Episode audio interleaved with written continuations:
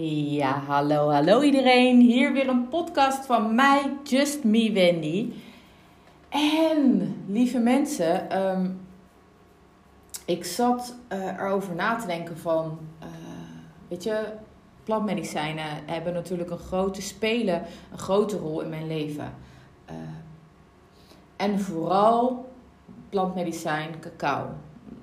Cacao is een, um, een, een, een plant waar ik gewoon heel veel mee samenwerk. Ik geef veel, uh, faciliteer veel cacao-ceremonies, maar ook plantmedicijnreizen die geestverruimend zijn, maar altijd in combinatie met cacao. Omdat voor mij is cacao de hartverbinder. Voor mij is cacao ook een manier om in die ontspanning te gaan. En dat doe ik ook vooral met de mensen die bij mij een plantmedicijnreis aangaan. Dat is, het is spannend. En vooral als het je eerste keer is, het is gewoon heel erg spannend. En ik vind het gewoon heel erg belangrijk om daar de tijd voor te nemen. En zoals ik mama cacao, de spirit van cacao, haar energie meenemen voordat we um, een ander plantmedicijn gaan innemen die geestverruimend is zodat de weg al een beetje wordt geopend. Zodat we al een klein beetje in die ontspanning gaan leunen. Want juist vanuit die ontspanning, dan kan je dieper zakken in je reis. En uh, ik zat laatst denken, althans, ik heb laatst ook weer een, uh, een, een zelf een plantmedicijnreis mogen volgen. En dat doe ik regelmatig, omdat ik leer ook heel veel van de plantmedicijnen. Ik leer heel veel van de planten. En um, ik zet dan bepaalde intenties. En dan komen er dingen door.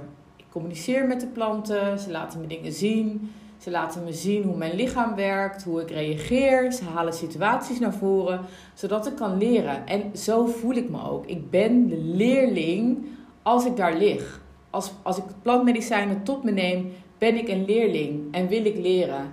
En toen zat ik te denken, nou ja, eigenlijk alles wat er gebeurt tijdens plantmedicijnreizen, tijdens cacao-ceremonies, zijn allemaal tools voor het leven. Tools die je kan inzetten in je dagelijks leven. En um, zo heb ik echt, ik weet niet hoeveel uh, tips gekregen van ze, die mij tot op de dag van vandaag nog steeds helpen. En die ik ook doorgeef aan weer mijn klanten en aan jullie tijdens podcasts en in blogs en tijdens coaching. Nu zat ik te denken van ja, maar als ik uit alles één levensles zou mogen halen. Een levensles die mij tot nu toe al zoveel heeft gebracht en die ik ook continu weer doorgeef dan is het de volgende levensles die ik nu met jullie wil delen. En dat is de levensles dat ik me continu afvraag bij iedere situatie die mij overkomt, waar ik tegenaan stuit, die niet fijn voelt, dat ik nu voel, ja, maar alles is er voor mij. Alles gaat precies zoals als het hoort te zijn. En denk daar maar eens even goed over na, want dat is best een lastige. En het is ook best een pittige, vind ik, omdat mensen zoiets hebben van ja, maar alles is precies zoals het hoort te zijn. Ik ben helemaal niet gelukkig op dit moment. Of ik heb die situatie helemaal niet gewenst. En ik wil dit niet. Ik heb nu wel genoeg geleerd. En ik wil nu lichtheid. Ik wil liefde. Ik wil blij zijn. Ik wil de man van mijn dromen tegenkomen. Ik wil. Maar wat als alles er is voor jou? Wat als het precies zo hoort te zijn zoals het nu is? En dat begon bij mij uh, toen ik dat dus niet. Ik geloofde daar nog niet in. Alles, wat alles is er voor mij. Wat ik op dat moment ging doen, is ik ging die vraag ik ging het mezelf als een vraag stellen van, ja, maar wat als alles er is voor mij? Dus wat als iedere situatie er is om mij te helpen? Dus niet om mij um, te jennen, niet om mij uh, te pijnigen, op, met opzet te pijnigen. Maar het is er om mij te laten groeien. Het is er voor inzichten. Het is er voor mij zodat ik de persoon kan zijn die ik diep van binnen ben. Zodat ik al die belemmerende overtuigingen, al die lagen die ik nu heb, dat die langzaam schilletje voor schilletje kan afpellen. Zodat ik kan komen bij de pure kern van hé, hey, maar dit ben ik. En dit is voor mij belangrijk. En op deze manier wil ik mijn leven leiden. En op deze manier durf ik keuzes te maken. En durf ik stappen te nemen. En wat is daarvoor nodig? Dat je het gevoel hebt dat alles er voor jou is. En dat het precies zo is, hoort te zijn. Vertrouwen. Vertrouwen en overgave. En dat zijn de twee belangrijkste teachings van het plantmedicijn. Net zo goed als de cacao-ceremonies. Want de cacao die pakt het zachter aan. Maar iedere keer weer leidt ze je vanuit die liefde naar dat vertrouwen. Leidt ze je naar die pijn, naar dat ongemak. Ga dat maar aan. Ga dat maar aan, want het is er voor jou. Het wil jou iets laten zien. Die situatie um, het is er, hoe pijnlijk het soms ook is, maar het is er om jou iets te leren. En dat is iets, en zo bekijk ik dus nu iedere situatie. En soms in mijn hoofd, om het makkelijker voor mezelf te maken. En misschien heb jij dat ook wel eens, denk ik. Voor mij is dit leven gewoon één computerspel een computerspel. En soms kan je het blijven uh, spelen op het makkelijkste niveau. En blijf je gewoon continu dezelfde dingetjes doen, omdat dat comfortabel is. Dat heb je onder de knie. En um, je durft die grote baas niet aan te gaan die je dan moet bevechten. Of weet ik veel, omdat je zoiets hebt van ja, dat kan ik niet, dat vind ik lastig, dat vind ik eng. Dat wil ik niet, ik wil dat oncomfortabele niet voelen. Maar op een gegeven moment wordt het spelletje saai. En op een gegeven moment ben je klaar met het spelletje spelen. Maar dat kan niet, want we kunnen niet zomaar stoppen hier in dit spel. Om te blijven groeien, om next level te gaan, moeten we af en toe buiten onze comfortzone. Zullen we onszelf af en toe pijn doen, dan gaan we weer af. Uh, moeten we vechten tegen bepaalde bazen. En zo zie ik dat dus ook in mijn mind. Oké, maar dit leven is een spel. Dit leven is een spel en ik ga poppetjes tegenkomen op mijn weg die er zijn voor mij. Om mij dingen te laten ervaren, om mij dingen te laten voelen, om mij inzichten te geven. Poppetjes die dingen bij mij triggeren, zodat ik dingen die in mijn onderbewustzijn zitten aan kan gaan. En als ik het op die manier ga bekijken, wordt het allemaal een stuk lichter wordt het allemaal een stuk lichter. En kan ik er ook, als ik de eh, emotie heb doorvoeld, want je gaat naar de pijn toe en dat is ook wat je doet met plantmedicijnen. Je gaat naar dat ongemakkelijke toe. Je gaat die angsten aan. Want hoe meer je in een weerstand gaat, ik wil dit niet voelen, ik ben er klaar mee, ik wil me niet misselijk voelen. Um, de cacao doet niks voor me. Oh, ik voel dit, ik voel dat. Ah, wanneer is het over? Hoe, hoe meer jij blijft vechten tegen dat gevoel, hoe zwaarder het wordt. Maar ga jij daar naartoe, ga jij naar die emotie toe, ga je het doorvoelen, dan ga je merken dat je de angel eruit gaat halen, dat je die scherpe randen eraf gaat halen. En zodra je gaat voelen van hé, hey, die scherpe randen gaan eraf, dan kom je in de onderzoeksfase. En de onderzoeksfase is altijd voor mij dat ik mezelf vragen ga stellen. Dan, dat zie ik een beetje als een soort helikopterview. Dus eerst zit ik midden in een situatie. Ik voel van alles. Ik voel boosheid. Ik voel dit. Ik voel dat. En het mag er allemaal zijn. Ik ben niet boos op mezelf. Ik ben niet, ook mag dit niet voelen. Lichtheid, liefde. Ik moet me vrolijk voelen terwijl ik me niet zo voel. Bullshit. Als ik die pijn voel, ga ik naar die pijn. Als ik me boos voel, ga ik naar die boosheid. En als ik het doorvoeld heb, ga ik merken dat die scherpe randjes eraf gaan. Dat de piek van de emotie eraf is, waardoor ik letterlijk meer ruimte krijg om de situatie van een afstand te bekijken. En dan komt uh, de onderzoeksfase. En dat zijn vragen. Nou, schrijf ze voor jezelf op. De stap die daarna komt, dus stap 1 is voelen. Voel het. Voel die boosheid. Voel die. We zijn allemaal mensen. Want dat is de manier waarop jouw lichaam je iets wil aangeven. Er wordt iets bij jou getriggerd. Die persoon, die situatie triggert iets bij jou. Hello, ga het aan. Ga er niet van afrennen. Ga geen vingers wijzen. Het komt door jou. Voel die boosheid. Voel die emotie. En daarna komt er ruimte om te gaan onderzoeken. En dan ga je jezelf de vraag stellen: wat wil deze situatie mij leren? Welke inzicht kan ik hier uithalen die mij weer verder gaat helpen? Iedere situatie, ieder persoon op jouw pad, alles is een spiegel en alles is er om jou iets te leren. En daarom, wat ik ook heel vaak doe, is als ik thuis rituele ceremonies doe. En ik voel dat ik van de week ergens tegenaan ben uh, geclashed. Dat er iets gebeurd is met een persoon, dat ik iets niet durfde aan te gaan. Dat voel ik in mijn lijf. Ik voel letterlijk onrust. Ik voel letterlijk die boosheid.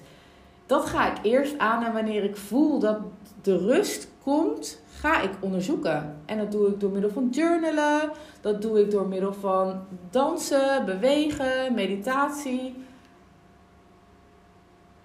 Het naar boven laten komen. En dat is de grootste les. En ik denk, hè, ik bedoel, tuurlijk, ik ben altijd, ik leer iedere dag. Tijdens iedere plantmedicijnreis die ik zelf onderga, maar ook die ik geef want dat zijn tevens ook spiegels voor mij. Echt, het is zo'n dankbaar werk. Want ik, iedere keer leer ik weer van alle mensen die ik mag begeleiden. Dat zijn mijn spiegels. Van de energieën, van de energieën die op dat moment plaatsvinden. Ik leer iedere dag weer. Maar tot nu toe, als ik alle. Um, als ik de rode draad zeg maar door alle ervaringen heen weef, is mijn grootste levensles en mijn grootste inzicht dat alles precies gaat zoals het hoort te gaan. Dat alles er is voor mij. De wereld is niet tegen mij. Uh, het leven is niet zwaar en dat ik, dit, ik moet dit ondergaan om. Nee, het is er voor me. En des te beter ik doorvoel en echt ga kijken van oké, hier zitten inzichten in.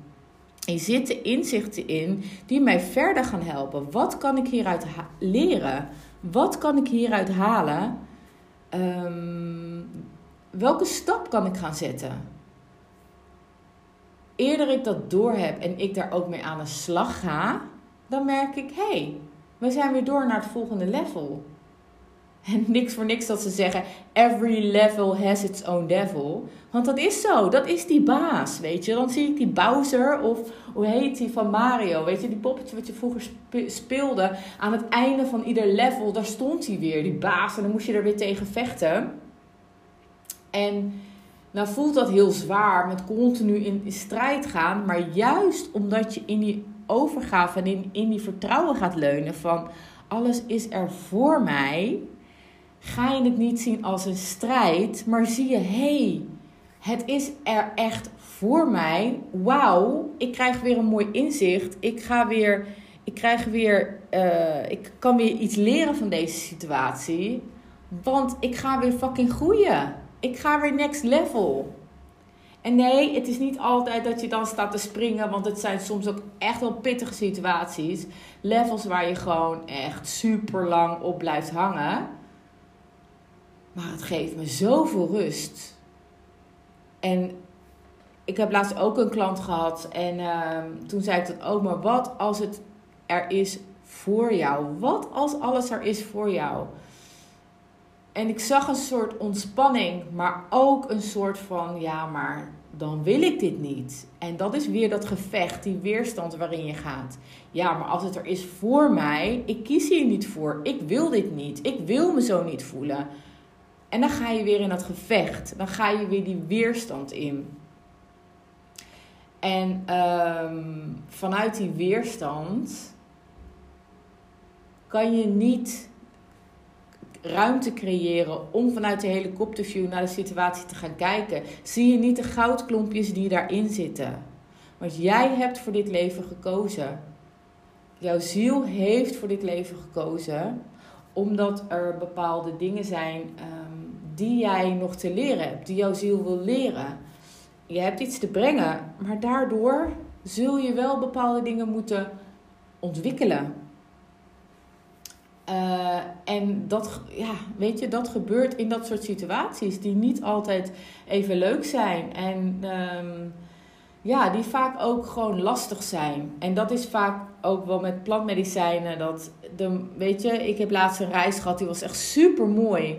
Maar dat was ook een clash in mijn hoofd, omdat ik dacht iedereen had het zo zwaar. De energie was ook vrij zwaar. Dat voelde ik ook heel erg. Ik voelde de strijd bij iedereen. En ik heb het als iets heel moois ervaren. En dat was mijn clash. Dat kan niet. Ik heb ook mijn eigen devils waar ik tegen moet strijden. Waarom heb ik niks om te strijden?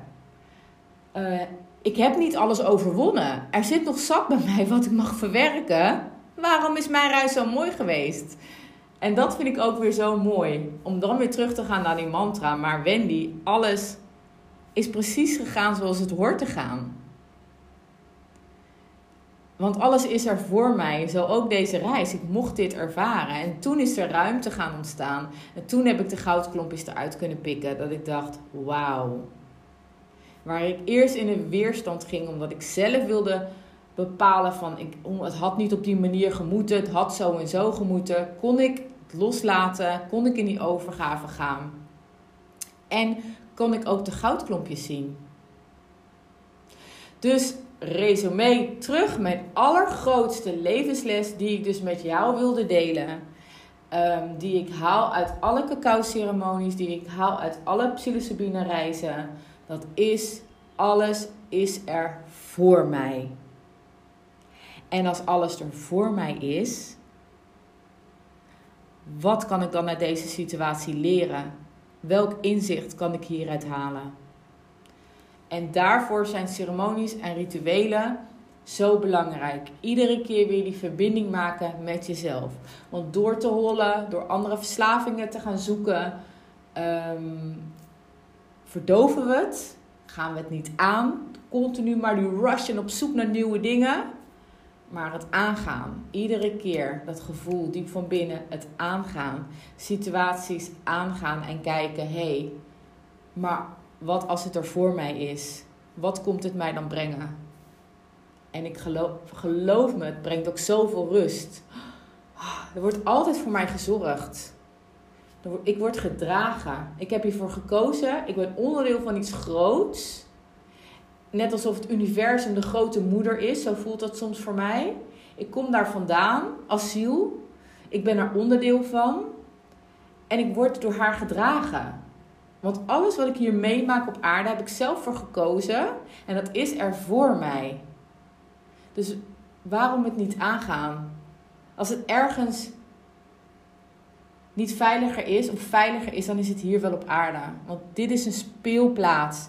Dit is onze game waar we Mario kunnen spelen, waar we continu kunnen leren. Iedere keer, iedere dag weer opnieuw kunnen zeggen: we gaan het weer opnieuw proberen. We starten dat spel weer op. Let's go. Dit keer ga ik die baas aan. Nou, lieve mensen, ik zou zeggen een hele, hele, hele fijne dag. En ben je toe aan een cacao-ceremonie of een plantmedicijnreis dat je denkt, Wendy, ik wil hier meer over weten, neem dan even een kijkje op mijn website of op mijn Instagram, want daar vertel ik je er alles over. Een hele fijne dag. Ja, hallo, hallo iedereen. Hier weer een podcast van mij, Just Me Wendy. En als je geluisterd hebt naar mijn vorige podcast, dan ehm, weet je dat ik het daar ook gehad heb over transformatie. En vooral wat er is gebeurd na Glastonbury. Dat er in die periode gewoon, ja, dat ik echt wel door een niemandsland ben gegaan. Omdat er in Glastonbury het een en ander is gebeurd. En ik had toen al uitgelegd van daar ga ik een keer een podcast over opnemen. En dat is deze podcast. En in deze podcast wil ik eigenlijk mm, uitleggen wat me gebracht heeft om naar Glastonbury te gaan. Hoe dat gegaan is en wat er daar gebeurde. Daar gebeurde iets heel bijzonders. Um, wat mij tot op de dag van vandaag enorm veel heeft gebracht. En ook echt wel heeft getransformeerd. Voor de mensen die Glastonbury niet kennen, Glastonbury is een, een, een stadje, een dorpje in Engeland. En uh, dat heeft heel veel geschiedenis. En geschiedenis wat gaat onder andere over King Arthur. Maar staat vooral heel erg in de energie van de godinnen-energie, van de priesteressen. Die daar um, uh, geschiedenis hebben met King Arthur. Want King Arthur die was uh, gewond en die is toen naar Glastonbury gebracht. Um, en de Island of Avalon. En daar hebben de priesteressen zich ontfermd over hem. En er zit echt nog zoveel meer geschiedenis. Maar in ieder geval de godinnenenergie, de natuurreligie is daar heel erg sterk. En dat zie je, want zodra je daar uitstapt, je loopt daar door de straten, um, de mensen die je spreekt. Het is heel erg bijzonder. En het ligt ook op verschillende leelijnen. En leelijnen zijn energetische lijnen die als het ware kruisen en krachtplekken met elkaar verbinden. Zoals de Chalice Well, wat zich daar bevindt, en de Tor. En er zijn echt verschillende krachtplekken. En die leelijnen allemaal, dus die energetische lijnen, verbinden ze met elkaar. En dat is voelbaar. Dat kan je niet uitleggen.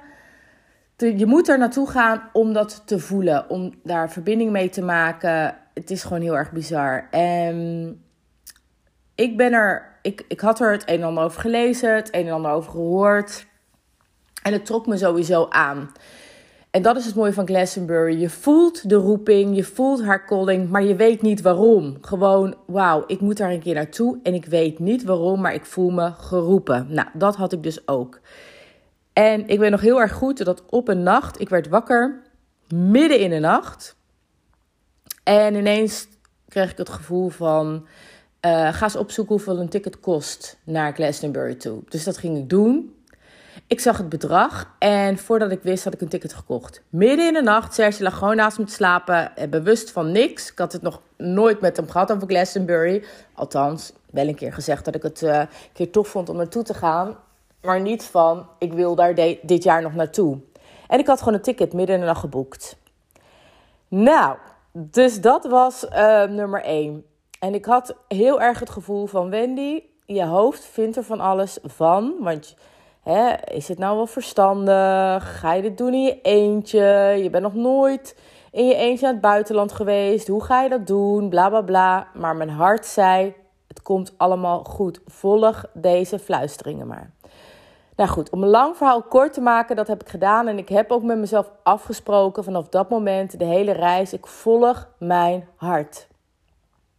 Ik volg de fluisteringen. Nou, en zo ben ik terechtgekomen in een prachtig bed and breakfast. Helemaal leuk, midden op uh, High Street, dus waar alle winkeltjes waren en zo daarboven. En het moment dat ik de taxi al uitstapte, dat weet ik nog heel goed, voelde ik, ik ben thuis. Ik ben thuis. Mijn hart, serieus, en ik overdrijf niet, die explodeerde zowat van de liefde. En alsof je de hele dag gewoon ontzettend verliefd bent. Dat gevoel had ik.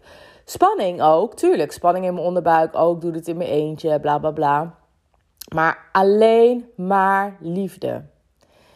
En um, ik weet nog heel erg goed dat ik moe was, omdat ik natuurlijk ook minder goed had geslapen de nacht ervoor. Toch wel een beetje spanning. En ik kwam dus eh, aan in mijn kamer. Toen dacht ik, ik ga even slapen, want ik ben moe. En ik hoef niks. Ik volg mijn lichaam. Als mijn lichaam moe is, ga, dan ga ik slapen. Wil ik dit doen, ga ik dat doen. Nou, noem het maar op.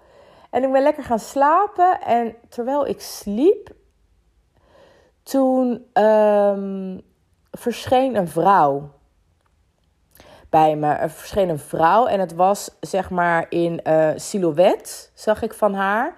Ze was donker, zwart, dus uh, echt zo'n schaduw, met paars, met donker paars erin. En ik was niet bang voor haar. Ik voelde dat zij niet geen kwaad wilde, maar ik vond het wel heel erg eng. Want ze raakte me op een gegeven moment aan en daar werd ik van wakker. En ik schrok daar eerlijk gezegd van. Uh, maar ik was niet bang ik, ik wist dat zij mij iets kwam brengen, maar ik kon het niet plaatsen. En ik weet nog wel, diezelfde nacht wilde ik weer gaan slapen. Toen kwam ze weer en dat gebeurde nog vlak voordat ik bijna in slaap dommelde. Raakte ze me weer aan, stond ze weer aan mijn voeteinde. En ik weet nog heel erg goed dat ik toen tegen haar zei: Als je het. Um, als je komt vanuit liefde, want ik neem aan dat je komt vanuit liefde en licht. Maar dit vind ik niet fijn. Ik vind het niet fijn dat je verschijnt in mijn slaap als ik alleen ben hier in mijn kamer. Uh, je maakt me bang. En ze is ook niet meer geweest. Ze is toen ook weggegaan en ik vertrouwde er ook op van weet je, als hier een boodschap achter schuilt of zo, dan komt dat wel. Dat weet ik nog heel goed. Ik was best wel ondaan. En um, ik heb toen in die tussentijd ook heel veel contact gehouden met zoals mijn soul sisters. En die, heb ik ook ingesproken van, joh, hè, er kwam iemand vannacht bij me, dit en dat. Gewoon als een soort dagboek. Ook voor mezelf, omdat er zoveel gebeurde daar, wilde ik een dagboek bijhouden. En um, fast forward, op een gegeven moment had iemand tegen mij gezegd van... Uh, het is het Mary Magdalene um, soort kerkje is er. En daar moet je echt een chapel, daar moet je naartoe gaan. Dat is heel erg mooi. Dus ik dacht, oh, nou, dan ga ik daar lekker naartoe. Ik ga daar lekker mediteren. Ik had mijn journal meegenomen en ik liep daar naartoe. Terwijl ik daar naartoe liep, liep ik langs het Goddess House. En dat trok me heel erg aan. Ik had zoiets van, wow, ik ga daar straks op de terugweg even naar binnen.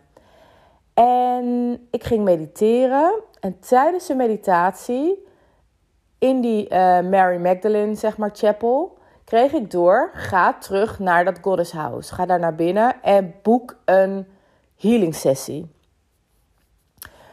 Want ik wist dat dat daar kon. En toen ik terugging, toen uh, nou, zat er een, een, hele lieve dame achter. was een Belgische dame, bleek dat te zijn. En we raakten zo aan de praat. En nou, ik kon inderdaad een healing sessie boeken. En toen zei ze van, zal ik je een rondleiding geven door het huis? Ik zeg, ja, hartstikke gaaf. Nou, dat is dus heel erg tof daar in dat Goddess House. Iedere kamer vertegenwoordigt een andere godin. Um, dus wij liepen, in iedere kamer ging open. De ene kamer was heel mooi rood. Dat was de godin van de sensualiteit, van de seksualiteit en zo, zelfliefde. Zo gingen we iedere kamer langs. En ik weet nog heel goed, op een gegeven moment toen deze een deur open. En ik keek regelrecht tegen het schilderij van de vrouw die mij twee keer is komen bezoeken in mijn kamer. Een zwart silhouet met paars en ik schrok. En ik vroeg aan haar, wie is dat? En toen zei ze, dat is Lady Carradwen. En dat is de, zeg maar, de wijze vrouw, de wijze oude vrouw deze godin, uh, dat is een Keltische um, godin, een Keltische tovenaresse. En zij staat voor transformatie, wedergeboorte, inspiratie. Um, ze werkt heel veel met de verschillende seizoenen. En ze staat ook voor de ritmes van het leven, dat het leven verschillende ritmes heeft. En omarm ook die seizoenen. Nou ja, en dat is sindsdien een van mijn grootste levenslessen geweest. Uh, de verschillende seizoenen en ritmes van het leven omarmen. En um, ik weet nog heel erg goed dat. Ja, ik was er wel van ontdaan. Die vrouw ging op een gegeven moment weg. En ik heb zelfs nog een filmpje opgenomen in die kamer voor mijn Soul Sisters. Van ja, ik, ik voel gewoon dat zij mij iets kon brengen. Maar zij staat tevens ook voor de godin van de duisternis. Hè? Dus ook de schaduwkanten van jezelf aangaan, belichten, omarmen. En dat vind ik best wel spannend. Ik, ik vind het heel erg fijn om in het licht te leven. En ik, ik durf wel die schaduwkant te doorvoelen. Want dat is ook wel iets wat ik leer tijdens plantmedicijnreizen.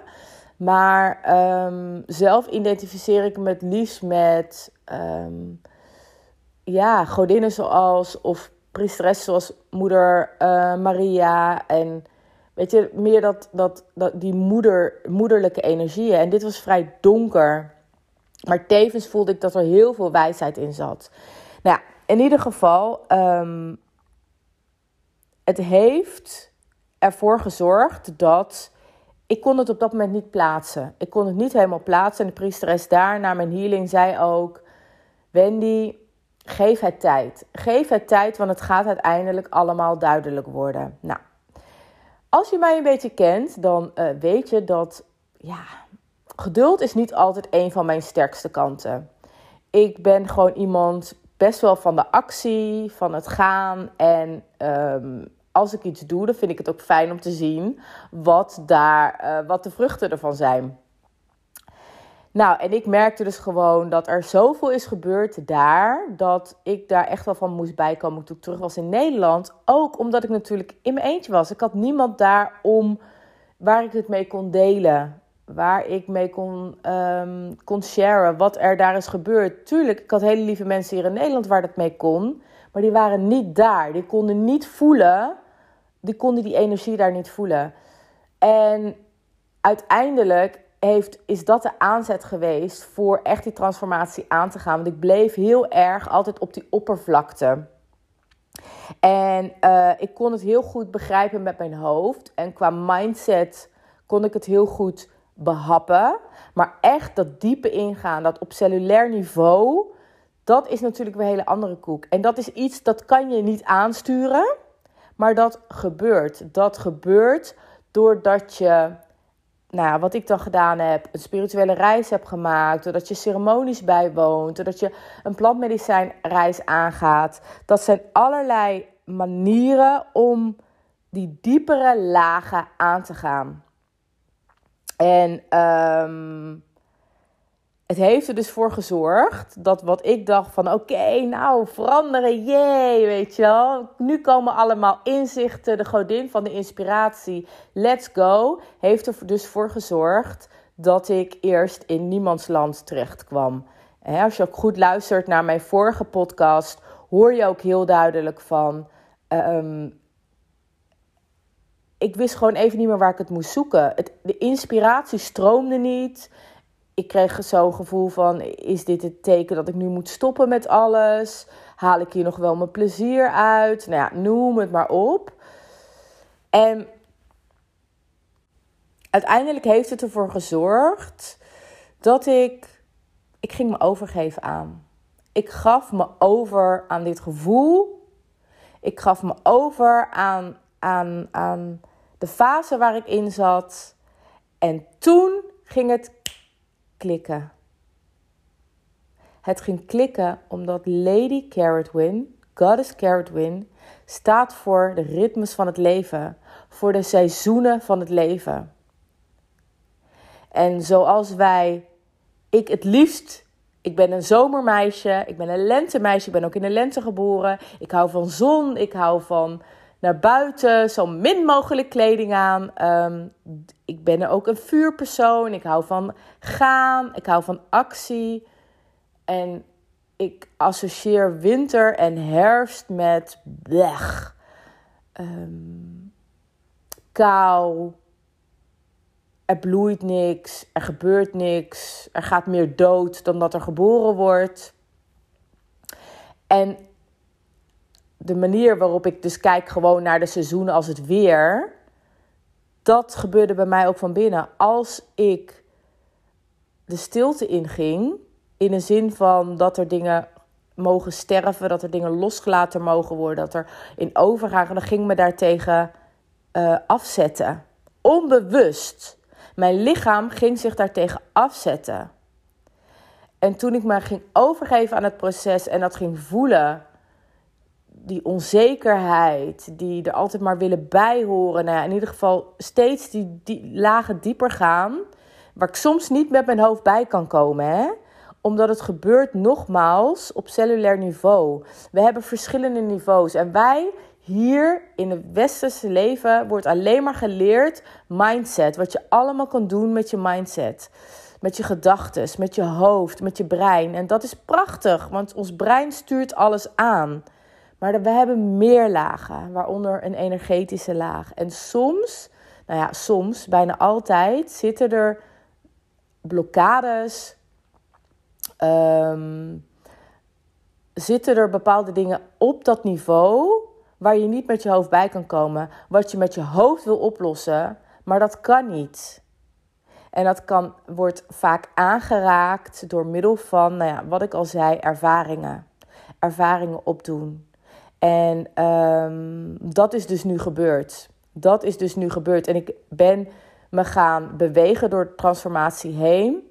Als je luistert naar de vorige podcast, dan haal je daar ook de tips uit die ik heb toegepast, die mij geholpen hebben. En ook mijn levensmantra, tevens mijn levensmantra. Alles is er voor mij. Alles wat ik meemaak is dienend voor mijn proces.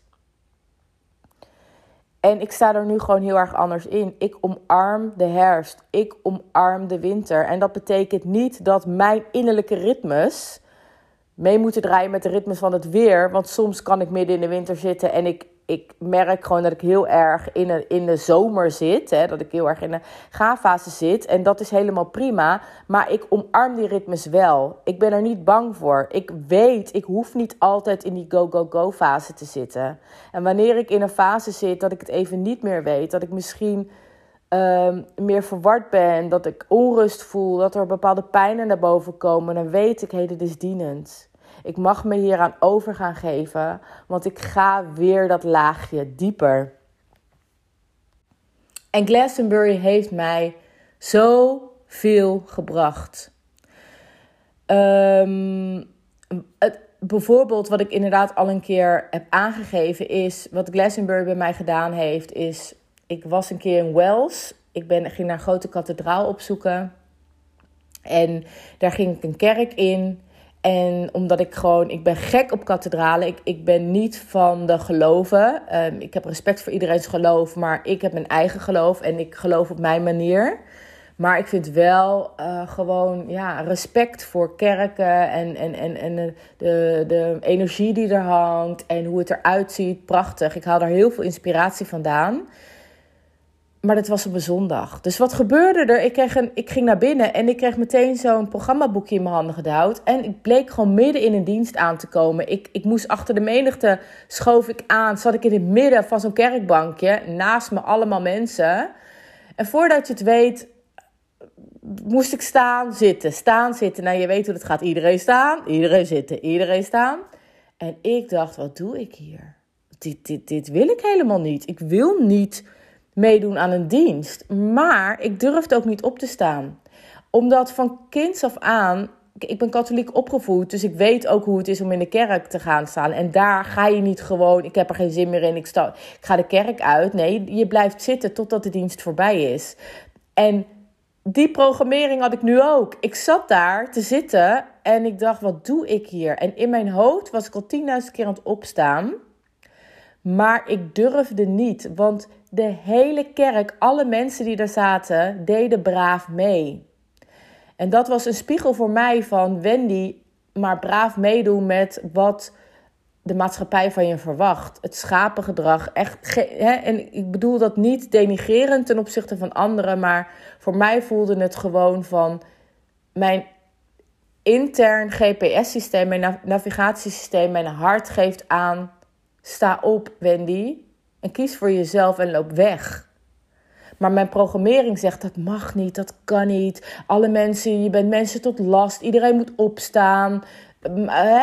hoe lang zal het nog duren? Misschien hooguit een half uur of een uurtje. Blijf nou maar gewoon zitten. Zo'n gevecht. Nou ja, uiteindelijk ben ik toch opgestaan en ben ik eruit gelopen. En op het moment dat ik de kerk uitliep, kreeg ik zoveel vrijheid. En kreeg ik echt ja, ik krijg nu nog rilling over mijn hele lijf. Zo van, hier gaat het om. Dat je opstaat voor waar jij in gelooft. Dat je jouw navigatiesysteem volgt. Wat de buitenwereld ook doet, wat een ander ook zegt. Wat waar jij in gelooft, de ingevingen die jij krijgt, die kloppen altijd voor jou. De rebelse kant. Waarin, um, ja, dat, zo ben ik gewoon niet opgevoed, de, de rebelse kant. En dat, um, dat was ook niet oké om te rebellen. Ik ben altijd best wel een braaf persoon geweest. En nu voelde het als nee. Nee. En het is misschien iets heel stoms dat een ander zegt van ja, lekker boeiend, dan sta je er gewoon op en loop je weg. Maar dat stond zo symbool daarvoor. Dat heeft Glastonbury mij echt geleerd om nog meer. En dan zeg je van ja, maar ja, goed, weet je, je leest dat overal en je weet dat met je hoofd. Maar met je hoofd weten en het voelen op cellulair niveau, op een dieper laag, dat is een hele andere koek. En dit is gewoon, dit heeft, dit heeft zich zo geïntegreerd in mijn systeem, dat ik daar nu nog steeds de vruchten van pluk. En zo ook Lady Carrotwin heeft mij nog meer geleerd om in die overgave te gaan zitten. Om ook het donkere, de schaduwkanten te omarmen. En om te weten dat het leven zijn ritmes heeft en zijn seizoenen. En dat ik daarin mag, mag meeflowen, want alleen dan kan er transformatie ontstaan. Als ik me overgeef aan de seizoenen van. Dat wilde ik vandaag met jullie gaan delen. Ehm, dat is iets wat Glastonbury met mij heeft gedaan. En ik voel, en ik kreeg het daar ook heel sterk door: neem andere vrouwen mee. Neem andere vrouwen mee. Um, zorg voor die veilige bedding zodat de vrouwen die met mij meegaan, daar zelf mogen ontdekken welke boodschappen, welke inzichten heeft Glastonbury voor hun daar. Wat mogen ze gaan ontdekken? Maar altijd vanuit die safe space, vanuit, vanuit een cirkel van hele andere mooie vrouwen. Die ik mag faciliteren. Van hier ben je thuis, dit is je bedding. Ga ontdekken, ga op ontdekking uit. Ga je eigen, bewandel je eigen pad. Maar weet dat je het niet alleen hoeft te doen, want we doen het samen. En dat is iets wat ik zo sterk voel dat ik die veiligheid wil waarborgen, dat ik die bedding wil waarborgen, zodat je mag opzoeken wat voor jou op dat moment de bedoeling is. Dat je je mag overgeven aan en dat je het vertrouwen voelt van wat er ook gebeurt, ik kan het allemaal aan. Ook omdat ik sisters heb om op terug te vallen. Dus Glastonbury 2023, het zit al bijna vol. Ik geloof nog twee plekjes vrij van alle plekjes. En het gaat echt magisch worden. Magisch omdat ik gewoon weet dat het voor ons allemaal weer ervoor gaat zorgen dat we weer net dat laagje dieper gaan. Dat het ons weer iets gaat brengen waar we de rest van ons leven de vruchten van kunnen plukken. Nou, lieve mensen, dit was weer mijn podcast voor deze week. Um, en ik zou zeggen tot de volgende keer. Doei doei!